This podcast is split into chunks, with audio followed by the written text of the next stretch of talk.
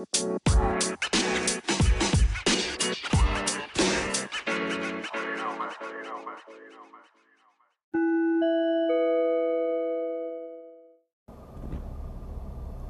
pernah nggak sih kalian ngerasa bahwa kalian yang nikah tapi bukan hanya kalian yang repot tapi juga ada orang tua yang mulai ikutan repot? Kalau repotnya biasa sih nggak apa-apa ya tapi kalau repotnya ikut bikin ribet persiapan pernikahan itu yang bikin repot. Ya mungkin ada pengalaman dari sobat hoppers juga. Ya kita saksikan dan kita dengarkan aja ya. Kita bahas yuk. Thank you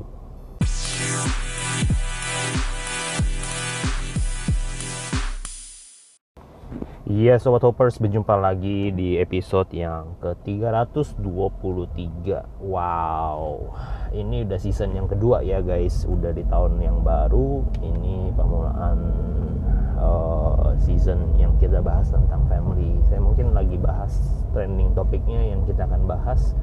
Dan saya akan pecah beberapa part.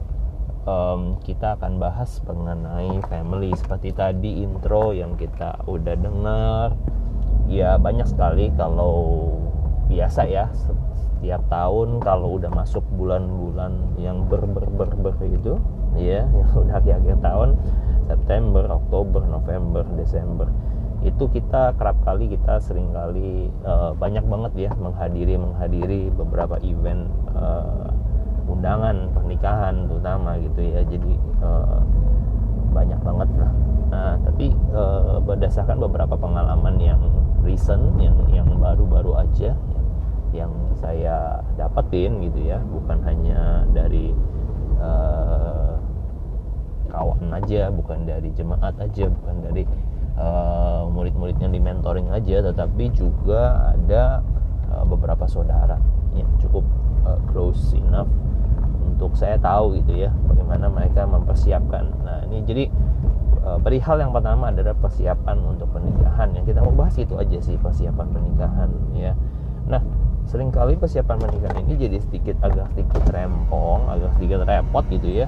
Jadi belibet. Kenapa? Karena kita tahu bahwa yang namanya pernikahan itu ada sesuatu yang harus matang dan baik banget direncanakan ya. Nggak ada orang yang uh, tidak merencanakan atau tanpa merencanakan pernikahan. Biasanya kalau orang tidak merencanakan pernikahan biasanya there's something wrong in it gitu ya. Ya kenapa terjadi? Ya biasanya mungkin terjadi misalnya ya maaf ya mungkin karena sudah dewasa gitu ya. Ada orang yang kedapatan hamil di luar nikah. Jadi itu kan sesuatu yang unpredictable and unplanned gitu ya. Jadi uh, singkat cerita Maya harus nikah mereka nggak plan nggak prepare. Dan itu harus cepet gitu. Biasanya jadi itu yang di luar dari konteks di luar dari planning. Nah yang saya mau bahas hari ini adalah um, pernikahan yang tak planning atau memplanningkan sesuatu pernikahan merencanakan pernikahan lah intinya gitu. Nah merencanakan pernikahan adalah sebuah hal yang umum ya ketika seorang uh, atau sepasang gitu ya yang muda-mudi yang sudah uh, bertunangan berpacaran yang uh, in close relationship cukup lama mereka biasa sekali untuk yang namanya merencanakan pernikahan ya. Biar gimana pun juga seperti saya selalu ngomong kalau kita in relationship berpacaran lah atau uh, ber apa uh, berhubungan lah dengan pasanganmu yang memang sudah benar-benar siap untuk ke jenjang berikutnya. Ya jangan pacaran untuk hanya have fun jangan pacaran hanya untuk mendapatkan status.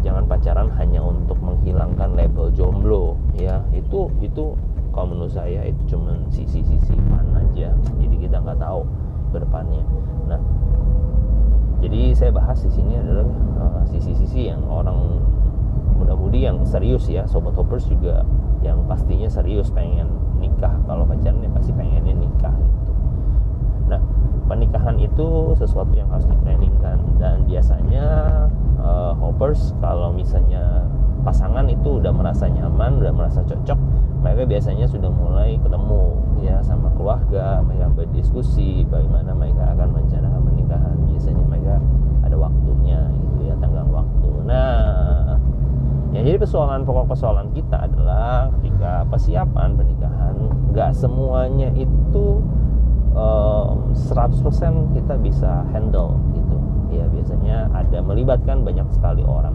Ya maksudnya 100% itu kita handle artinya cuma kita doang yang nikah. Enggak gitu ya. Pernikahan itu melibatkan banyak sekali orang banyak sekali faktor.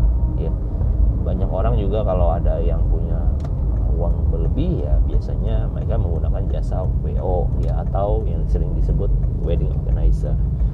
Nah dan biasanya persiapan-persiapan pernikahan itu meliputi yang paling umum ya yang paling jamak gitu ya adalah pertama penetapan tanggal ya. Tetapin dulu tanggalnya rencananya nikahnya kapan tahun berapa berapa tahun lagi berapa lama lagi sehingga mereka bisa mengarrange ya. Nah untuk penetapan tanggal ini sendiri pun juga berbeda-beda masing-masing orang hoppers ya. Kalau ada beberapa kalau karena aku berasal dari uh, suku Tionghoa ya. Jadi uh, penetapan tanggal itu uh, kadang-kadang pihak keluarga itu punya andil gitu.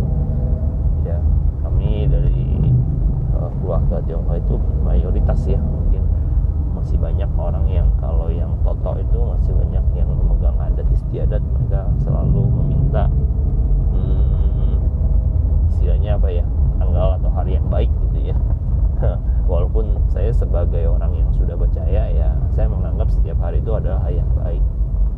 Tidak ada hari yang buruk ya. Tapi ya itu sekali lagi menetapkan tanggal itu kadang-kadang harus perlu diskusi gitu ya. E, sekalipun kita tahu semua hari baik jangan kita asal e, menetapkan sendiri. Coba ajak keluarga kita untuk berdiskusi. Baiknya sih seperti itu um, selain penetapan tanggal yang kedua adalah uh, bagaimana kita mengurus mengenai masalah uh, pemberkatan pemberkatan pernikahan ya. waktu pemberkatan pernikahan. Nah pemberkatan pernikahan ini juga penting. Kenapa? Karena menurut saya pemberkatan pernikahan itu ada hubungannya atau kaitannya dengan uh, nanti ya. Jadi uh, kalau menurut saya yang perencanaan sekali lagi pernikahan yang direncanakan adalah penting untuk melibatkan untuk pemberkatan nikah karena menurut saya itu salah satu hal yang crucial part ya. Um, pemberkatan pernikahan sendiri uh, secara general fungsinya adalah satu lembaga keagamaan yang akan menjadi kepanjangan tangan daripada pemerintah untuk uh, mengawasi mengawasi jalannya pernikahan bahwa pasangan yang dinikahkan itu adalah pasangan yang sah secara agama gitu. Ya kalau muslim mereka biasa ada lembaga pemberkatannya yang namanya uh, eh, KUA uh, kemudian kalau Kristen kita ada namanya uh, gereja ya lewat konseling pranikah ya. Saya pikir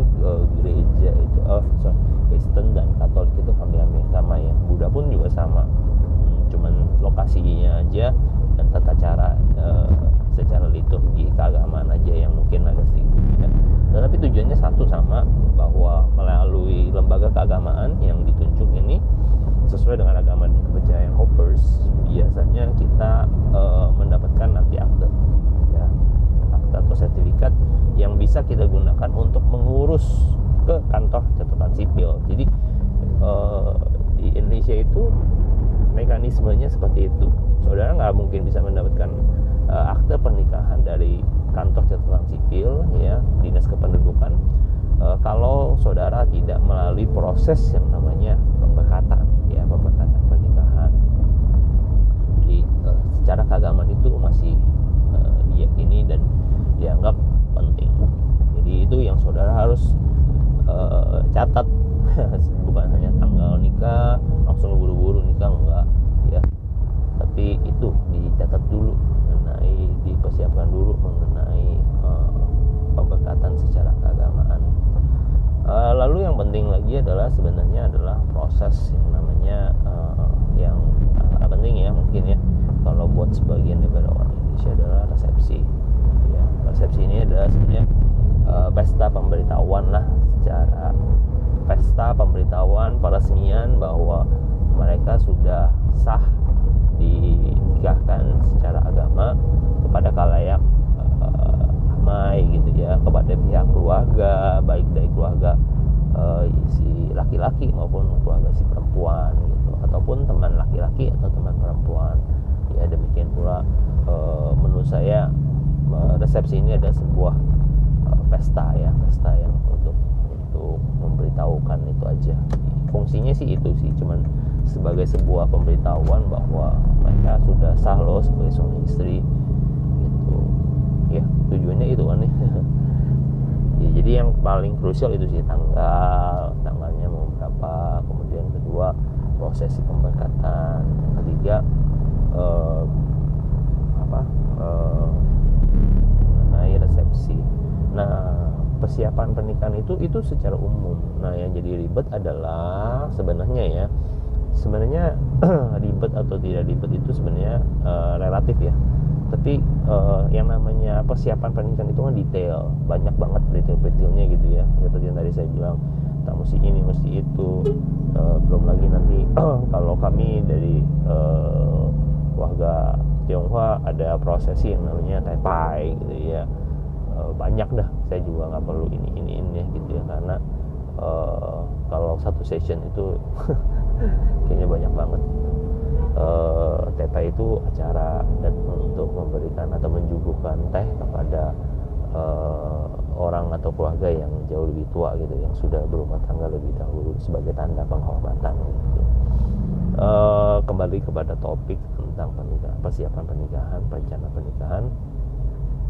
Bagian part yang menurut saya yang saya perlu bahas adalah uh, saya concern dengan uh, masalah uh, ketika uh, masalah persiapan atau persiapan uh, rencana pernikahan ini uh, ribet. Diribetkan karena apa? Bukan karena persiapannya tapi karena uh, keterlibatannya ya keterlibatan orang tua di dalamnya. Ini yang agak sedikit bikin ribet ya. Nah teman-teman hoppers uh, suka atau tidak suka kita perlu melihat uh, banyak sekali faktor ya di di latar belakang keluarga kita, latar belakang orang tua kita, latar belakang kita sendiri itu semua masing-masing berbeda kita. Ya kayak tadi seperti saya ngomong, saya dari keluarga Tionghoa dan keluarga daripada istri saya juga keluarga Tionghoa sih sebenarnya kami sama-sama Tionghoa. Cuman yang jadi persoalan adalah ada keluarga kami yang cukup totok menurut saya gitu ya, cukup uh, kental dan cukup uh, mempercayai adat istiadat mereka sebagai bagian daripada nilai-nilai yang perlu dihargai gitu. Dan yang perlu dihormati gitu.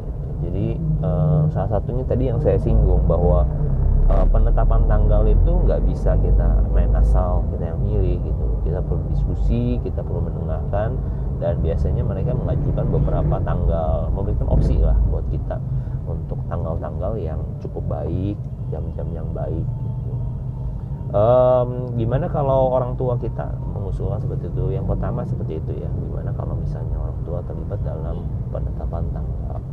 Ya buat saya sih uh, sekali lagi namanya perencanaan itu artinya ada discussion ada diskusi ada ada apa tukar pendapat gitu ya. Jadi buat saya sih sebenarnya ribet atau tidak ribetnya kalau kita mau merendahkan diri aja sih. Banyak orang mengatakan itu ribet hmm, jamnya ribet tanggalnya ribet dan lain sebagainya. Itu karena memang satu uh, mereka tidak mau merendahkan nggak ada satu pihak yang mau merendahkan diri gitu. buat saya saya nggak mau terlalu berdebat dengan hal-hal seperti itu. Buat saya itu hal-hal yang eh, nggak esensi banget sih menurut saya gitu ya. Kalau saya bisa ngalah ya saya ngalah gitu. Tapi nggak tahu hoppers itu ya. Mengenai jam dan waktu itu penting sih. Jadi uh, coba didiskusikan dengan baik-baik. Kalau hoppers sobat hoppers mungkin yang dengar ini atau siapa pun anda yang lagi mendengarkan ini mungkin lagi bilang oh iya nih gue lagi masalah nih netepin tanggal aja. Ribet banget sih bokap nyokap gitu ya gue sepaneng gitu kan. Ya menurut saya sepaneng atau tidak sepaneng ya kita bicarakan mengenai solusinya toh. Kita kan nggak mau fokus sama masalah. Solusinya apa sih? Solusinya ya coba mendengarkan coba ditimbang coba di menjadi sebuah acuan gitu. didiskusikan aja. Menurut saya keluarga itu selalu punya dalil gitu punya uh, dasar. Mereka mengajukan ini ah baik karena begini karena pihak keluarga ini bisa ini. Coba kalau saran saya kalau misalnya memang ada satu tanggal atau jam waktu tertentu yang memang agak sulit untuk kita terima coba didiskusikan. Ada opsi nggak? Gitu ada hari yang lain nggak? Ada waktu lain nggak? Uh, apalagi perencanaan pernikahan itu yang terplan itu adalah sebenarnya jauh banget masih jauh-jauh banget ke depan gitu. Jadi banyak hal yang yang kita masih bisa kompromi sih semestinya ya sekali lagi ya ini adalah perencanaan pernikahan yang terplanning yang terencana dengan baik. Kalau dadakan atau karena satu dua case ya itu tidak bisa dibilang sebagai sebuah perencanaan pernikahan yang yang baik gitu ya. Itu mungkin unplanned gitu. Ya sesuatu yang tiba-tiba mendadak uh, itu satu mengenai penetapan tanggal. Nah yang kedua mengenai pemberkatan. Pemberkatan sendiri ada kontroversi ya beberapa keluarga juga kadang-kadang uh, tidak menyetujui dengan uh, pilihan dari si anak gitu ya. Saya pernah sekali mendengar bahwa dari keluarga dari keluarga saya terdekat gitu kan ini ini ini kasusnya benar-benar kentara banget bahwa keluarga dari pihak saya itu uh, mamanya itu memang orang dari uh, agama Buddha gitu ya Buddhis gitu ya. Uh, itu yang jadi dia orang orang tua si laki-laki gitu mempelai pria. Sedangkan yang wanita itu uh, keluarganya dari keluarga yang menganut uh, mungkin kepercayaannya Kristen gitu. Dan akhirnya memutuskan untuk menikah di gereja itu sempat terjadi emang agak sedikit tension ya bahwa orang tua si laki-laki itu nggak setuju sebenarnya anaknya untuk menjadi uh, dibaptis kemudian uh, dinikahkan di gereja. Sempatlah pembicaraan-pembicaraan itu pokoknya muncul. Tapi menurut saya sekali lagi gitu ya uh, pihak uh, kalau pihak Hoppers merasa bahwa emang itu juga ada jadi kendala mungkin kalian ngalamin namanya uh, pernikahan berbeda agama saran saya gitu ya Eh, jauh-jauh hari sebelumnya coba didiskusikan ya. Apa pun itu uh, masalahnya menurut saya ya kalau kita terfokus pada sebuah kata yang namanya solusi selalu ada hal-hal yang kita bisa dapatkan kalau masing-masing pihak dengan kepala dingin hati kita bisa sama-sama mendengarkan dan juga menyampaikan pendapat dengan baik. Jadi ya didiskusikan karena sekali lagi perencanaan pernikahan yang baik adalah perencanaan pernikahan yang yang waktunya panjang ke depan gitu. Ya bukan dadakan bukan kefefet gitu. Jadi masih panjang ke depan masih ada waktu untuk dibicarakan di awal gitu. ya kalau kalian sudah rencana segera diskusikan gitu. Uh, om tante kami merencanakan pernikahan. Kami mau merencanakan untuk uh, ke level berikutnya. Ya saya punya niat untuk menikahi putri om. Anak om gitu ya. Biasanya kan laki-laki yang ngomong ke orang tua yang perempuan ya. Kalau budaya timur tuh begitu ya sambil main catur atau kalau papa mamanya suka gitu-gituan ya sambil dibawain makanan lah ya atau diajak ke resto. Itu sih. Jadi uh, penting atau crucial partnya adalah bagian yang diskusi gitu. Ya saya di sini mengutarakan untuk uh, ya kasus-kasus beda kepercayaan ya jadi walaupun saya juga uh, terlibat ini bukan artinya kita tidak menutup mata bahwa di luar sana tuh banyak kasus-kasus yang lebih kompleks mengenai agama kepercayaan sehingga membuat jadi ribet. Ya kenapa begitu? Mungkin hoppers ada beberapa yang kaum milenial yang bertanya kenapa sih diribetin? Kenapa sih namanya kalau cinta ya saling menerima? Toh juga mereka juga bisa saling menghargai nggak perlu pindah agama dan lain sebagainya. Ya mungkin beberapa pendapat itu e, baik adanya gitu ya. Saya pernah punya pendapat hampir sama gitu ya saya pernah dulu zaman dulu itu ada satu pasangan artis yang cukup terkenal ya namanya Jamal Mirdad sama Lydia Kandau kalau teman-teman yang mungkin hidup di era tahun 70-80 tahu ini siapa gitu. um, teman-teman ini uh, pasangan ini pasangan artis ini mereka mau pernikahan dengan dengan dengan keadaan atau kondisi mereka itu berbeda agama saya juga tahu ya ya karena e, prosesnya maksudnya saya nggak tahu. Ya, tapi yang saya tahu mereka menikah mereka beda agama. E, ibu Lydia Kanda itu Kristen kok salah gitu. Dan saya nggak tahu Kristen atau Katolik ya sorry. Ya, Pak Jamal Mirdad itu Muslim gitu. Itu pun mereka menikah. Uh, buat buat beberapa teman-teman buat beberapa kaum millennials mungkin juga berpikir seperti itu ini free minded ya masih open and free minded discussion nah tapi saya perlu jelaskan nih. Ini saya jelaskan kenapa perlu uh, seagama gitu. Nah uh, kalau di kantor catatan sipil saat sekarang ini di Indonesia berlaku sebuah aturan bahwa uh, pernikahan yang sah, pernikahan yang resmi, pernikahan yang dicatat di kantor uh, di kantor kependudukan, catatan sipil sejauh yang informasi yang saya tahu dan ketahui adalah pernikahan itu harus melalui satu lembaga keagamaan. Itu satu. Otomatis lembaga keagamaan akan meresmikan pernikahan kalau jelas kedua belah pihak itu punya satu agama. Ya di mana pun ya. Yang saya tahu yang saya tahu e, kalau misalnya di lembaga keagamaan misalnya ya maaf ya kita bicara mengenai gereja gitu pasti di, di, ditanya dan di, di, di, diarahkan bahwa pasangan suami istri yang akan menikah di gereja adalah mempunyai e, kepercayaan nilai kepercayaan atau visi yang sama saya nggak tahu di tempat lain tapi saya percaya bahwa kebanyakan yang saya dengar itu juga sama gitu nah, jadi uh, adik saya saudara saya semua mengalami hal-hal itu hal-hal itu semua gitu jadi mereka uh, mengalami mau tidak mau harus belajar satu kepercayaan di mana mereka mau meresmikan atau membuat uh, legal di mana pun mereka uh, meminta untuk meresmikan atau memberkat pemberkatan ya acara pemberkatan kalau mereka uh, acara pemberkatannya di pura ya mereka otomatis harus sama gitu seagama gitu itu jadi yang yang kalau teman-teman yang ribet nih ya ribetnya ya itu gitu karena kalau teman-teman nanti nikah eh, nggak uh, mau mengabaikan prinsip-prinsip yang tadi yang saya bilang uh, biarin aja beda agama macam. Yang ribet adalah kalian sendiri sebenarnya in the end gitu. Karena nanti di uh, di catatan sipil ada masih masalah ditanyakan gitu. Mana lembah pengesahan akte dari uh, lembaga keagamaan yang yang teman-teman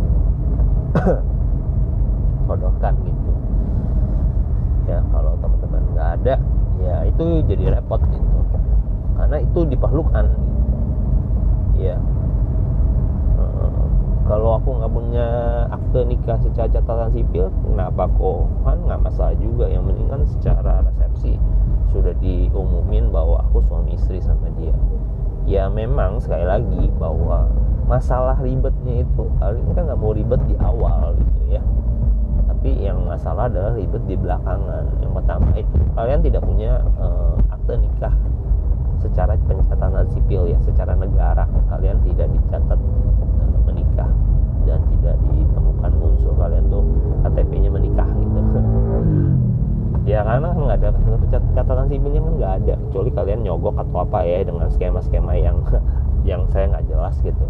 Tapi ini kita bicara mengenai uh, yang lurus yang plan. Yang tadi saya bilang kan plan itu ada terencana dengan baik.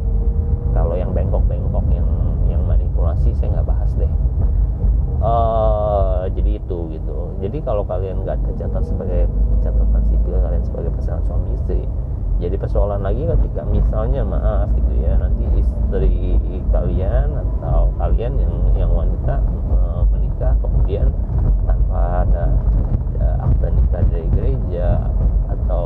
lembaga keagamaan sorry. Uh, kemudian tidak ada akta nikah dari catatan sipil.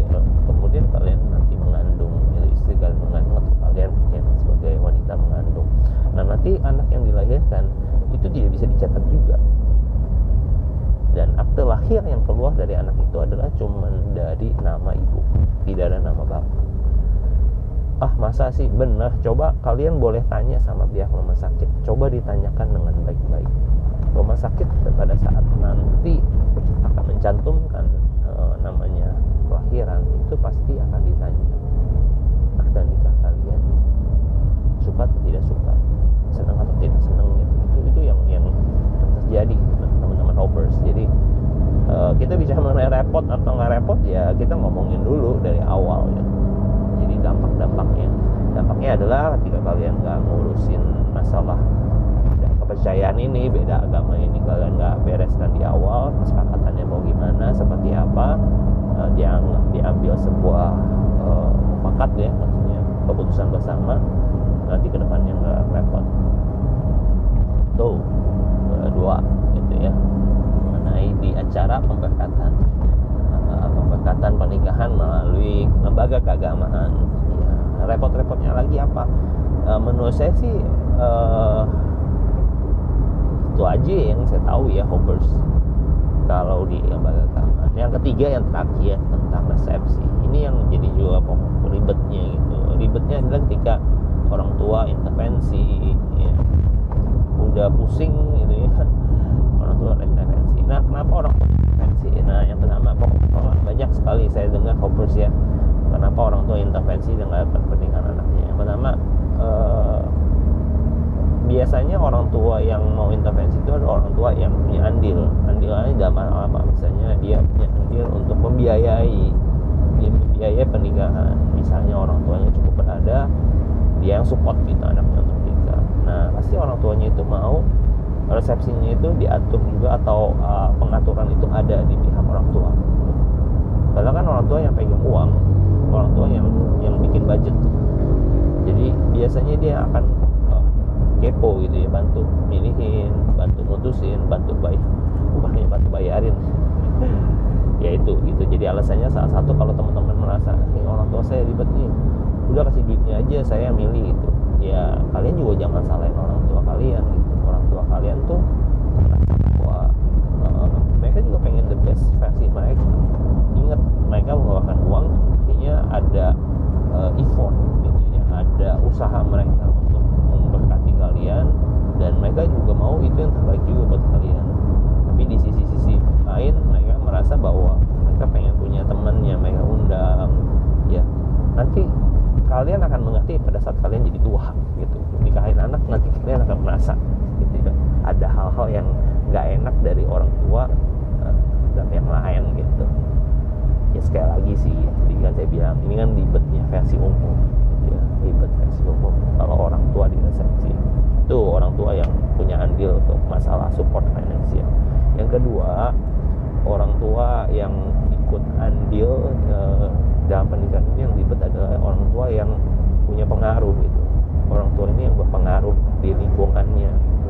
mungkin dia nggak support secara finansial tapi orang tuamu atau orang tua pasanganmu ini adalah orang tua yang cukup well known gitu. Well known ya cukup dikenal lah di kampungnya di kompleknya di wilayah dia tinggal gitu. Orang tahu siapa dia gitu. Mungkin orang tuamu atau orang tua pasangan itu adalah misalnya lurah ketua RT atau apa lah tokoh-tokoh yang memang yang cukup dikenal gitu. Nah ini juga sedikit repot. Biasanya ya sedikit banyak ya orang ini kalau orang penting orang ini pasti mau yang namanya uh, mengundang uh, orang-orang juga penting gitu ya dalam kehidupannya gitu dalam life-nya jadi uh, ya ini sih ribetnya ya coba dicek makanya gitu ya kalau pacarin atau pacaran gitu coba lihat orang tuanya itu salah satu orang yang penting nggak gitu? Jangan-jangan dia orang penting di partai misalnya.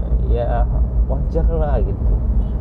Dia pasti kepo dan minta minta untuk ini itu ini itu. Ya itu sih. Jadi uh, biasa kalau nggak dia support finansial kedua dia cukup penting. Nah yang paling ribet dari antara itu adalah orang yang nggak support finansial dan orang juga nggak penting tapi berasa penting orang tuanya gitu ya mungkin sobat hoppers ini cuma jokes tapi uh, kejadian banyak sekali kejadian gitu. Jadi orang ini sebenarnya orang bukan orang biasa-biasa aja lah. Dia juga nggak support finansial tapi keinginannya itu banyak. Keinginannya itu pengennya bikin pesta ya kalau bisa pesta kayak raja-raja atau sultan-sultan gitu ya yang mewah yang megah di gedung tuntutnya ini itu ini itu. Dia maksudnya orang kagum. Saya dapat mantu atau saya dapat uh, anak menikahin anak dengan bagus. Masalahnya kadang-kadang ya seperti itu gitu. Kita kan diperhadapkan dengan satu realita kan. Seperti itu. Orang tuanya nggak support finansial ya. Tapi uh, nuntutnya tinggi gitu. Ini ini jadi persoalan sih. Ya saya menemukan ini banyak banget nih terutama di uh, anak-anak rohani saya juga gitu saya selalu menyarankan gini dalam kelas bimbingan pranikah saya uh, cobalah kita terbuka dalam masalah keuangan ya. Kemampuan kita berapa ukur kemampuan kita. Memang perlu ada yang namanya iman juga yang dilibatkan dalam persiapan pernikahan khususnya untuk uh, waktu untuk uh, resepsi dan lain sebagainya. Tapi buat saya yang terpenting adalah di atas segala-galanya ketika kita uh, melibatkan satu Tuhan.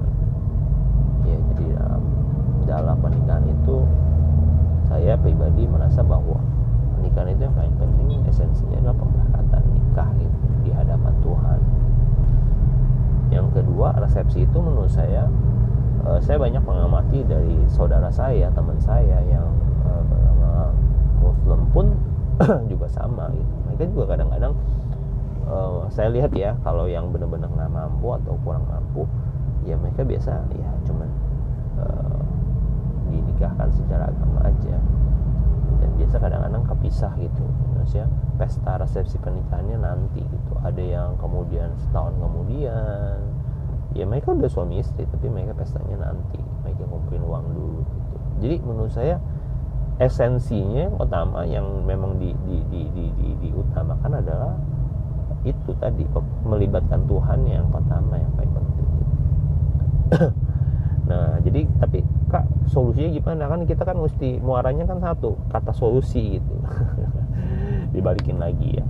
Um, ya hoppers jadi kalau menurut kok sendiri bahwa memang kita perlu cari solusi. Solusinya adalah apa? Coba terbuka gitu. Kemampuan kita berapa gitu. Ya buat saya perlu keterbukaan ada orang yang seperti ini. Dia mampu tapi dia pura-pura nggak mampu. Ada gitu. Ya ada yang kayak gitu. Yang nggak tahu dia ada roh medit atau ada uh, udang di baik bakwan saya nggak tahu gitu. Tapi ada yang kayak gitu. Mampu tapi ngomongnya nggak mampu ya.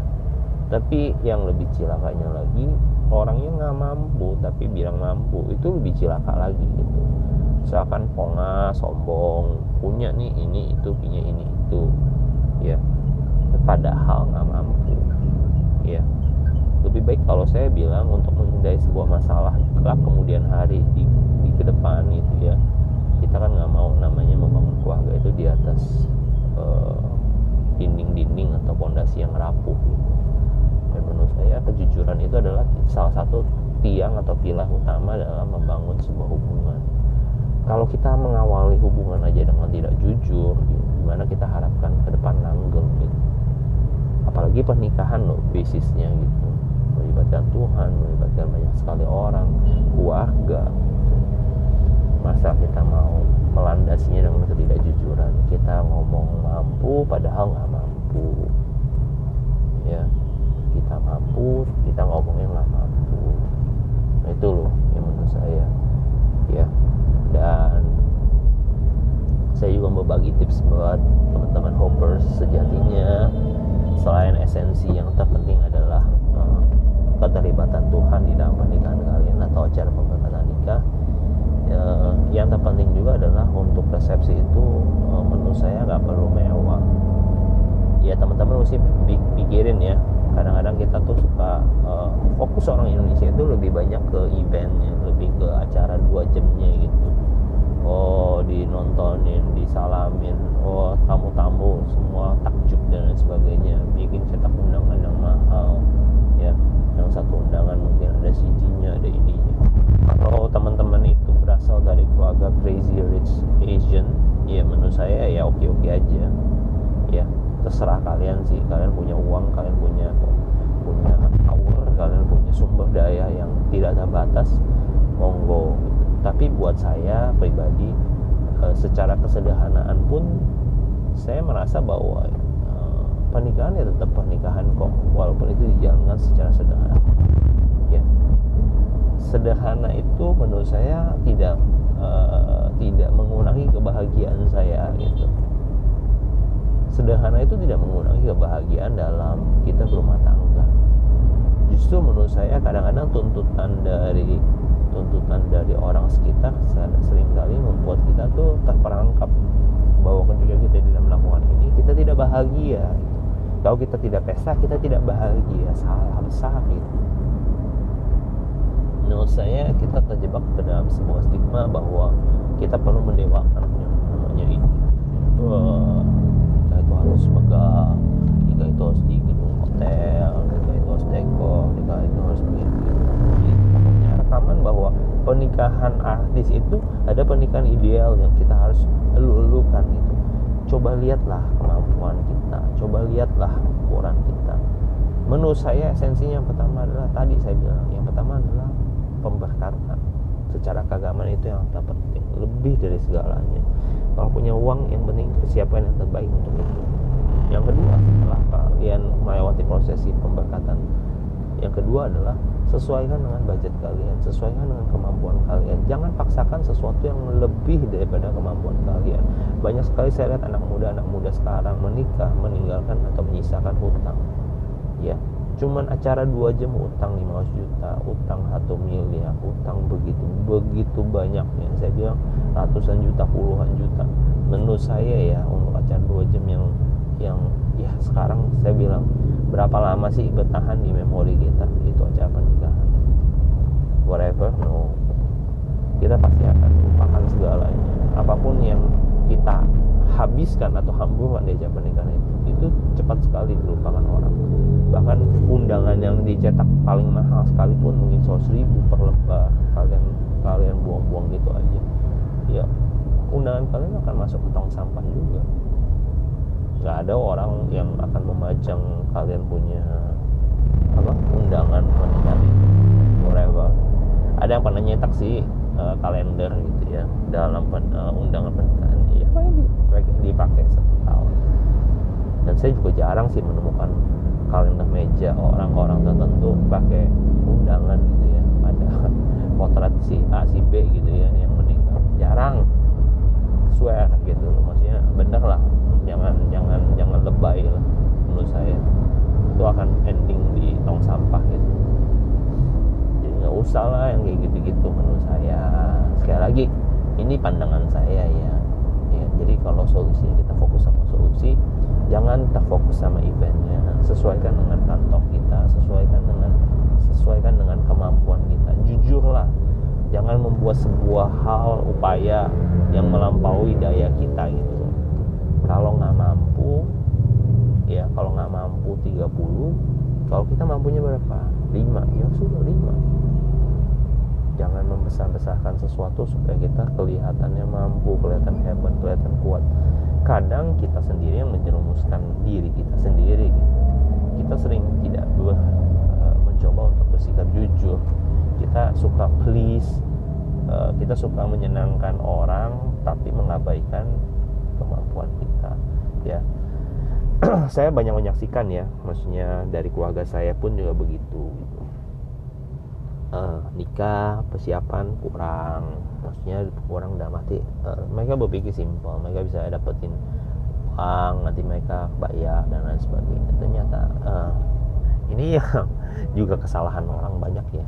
Orang berpikir gini loh nanti juga dapat uang uh, angpau ya atau uang pemberkat uh, berkat dari teman-teman kolega bisnis ya yang nanti akan uh, bisa dipakai untuk melunasi hutang. Jadi mereka beranggapan uh, spekulasi lah orang bilang gitu ya. Mereka menggelar pesta mereka mengharapkan hasil yang didapatin dari uang uh, angpaunya itu akan mereka gunakan untuk men, uh, menutupi yang namanya hutang yang mereka pinjam untuk membayar catering, membayar hotel, membayar ini itu pernak pernik dan lain sebagainya.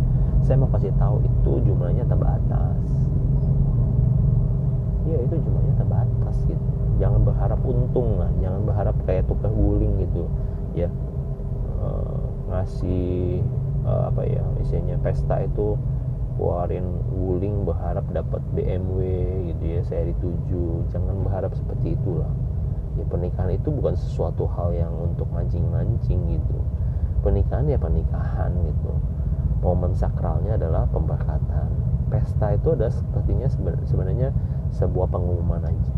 Buat saya kalau kalian hoppers dari keluarga atau pasangan yang sederhana apa perlu memaksakan untuk, untuk seperti uh, princess gitu ya untuk yang kayak pernikahan Sandra Dewi dan lain sebagainya harus uh, bulan madu ke luar negeri harus foto-foto pre-wedding ke luar kota dan lain sebagainya.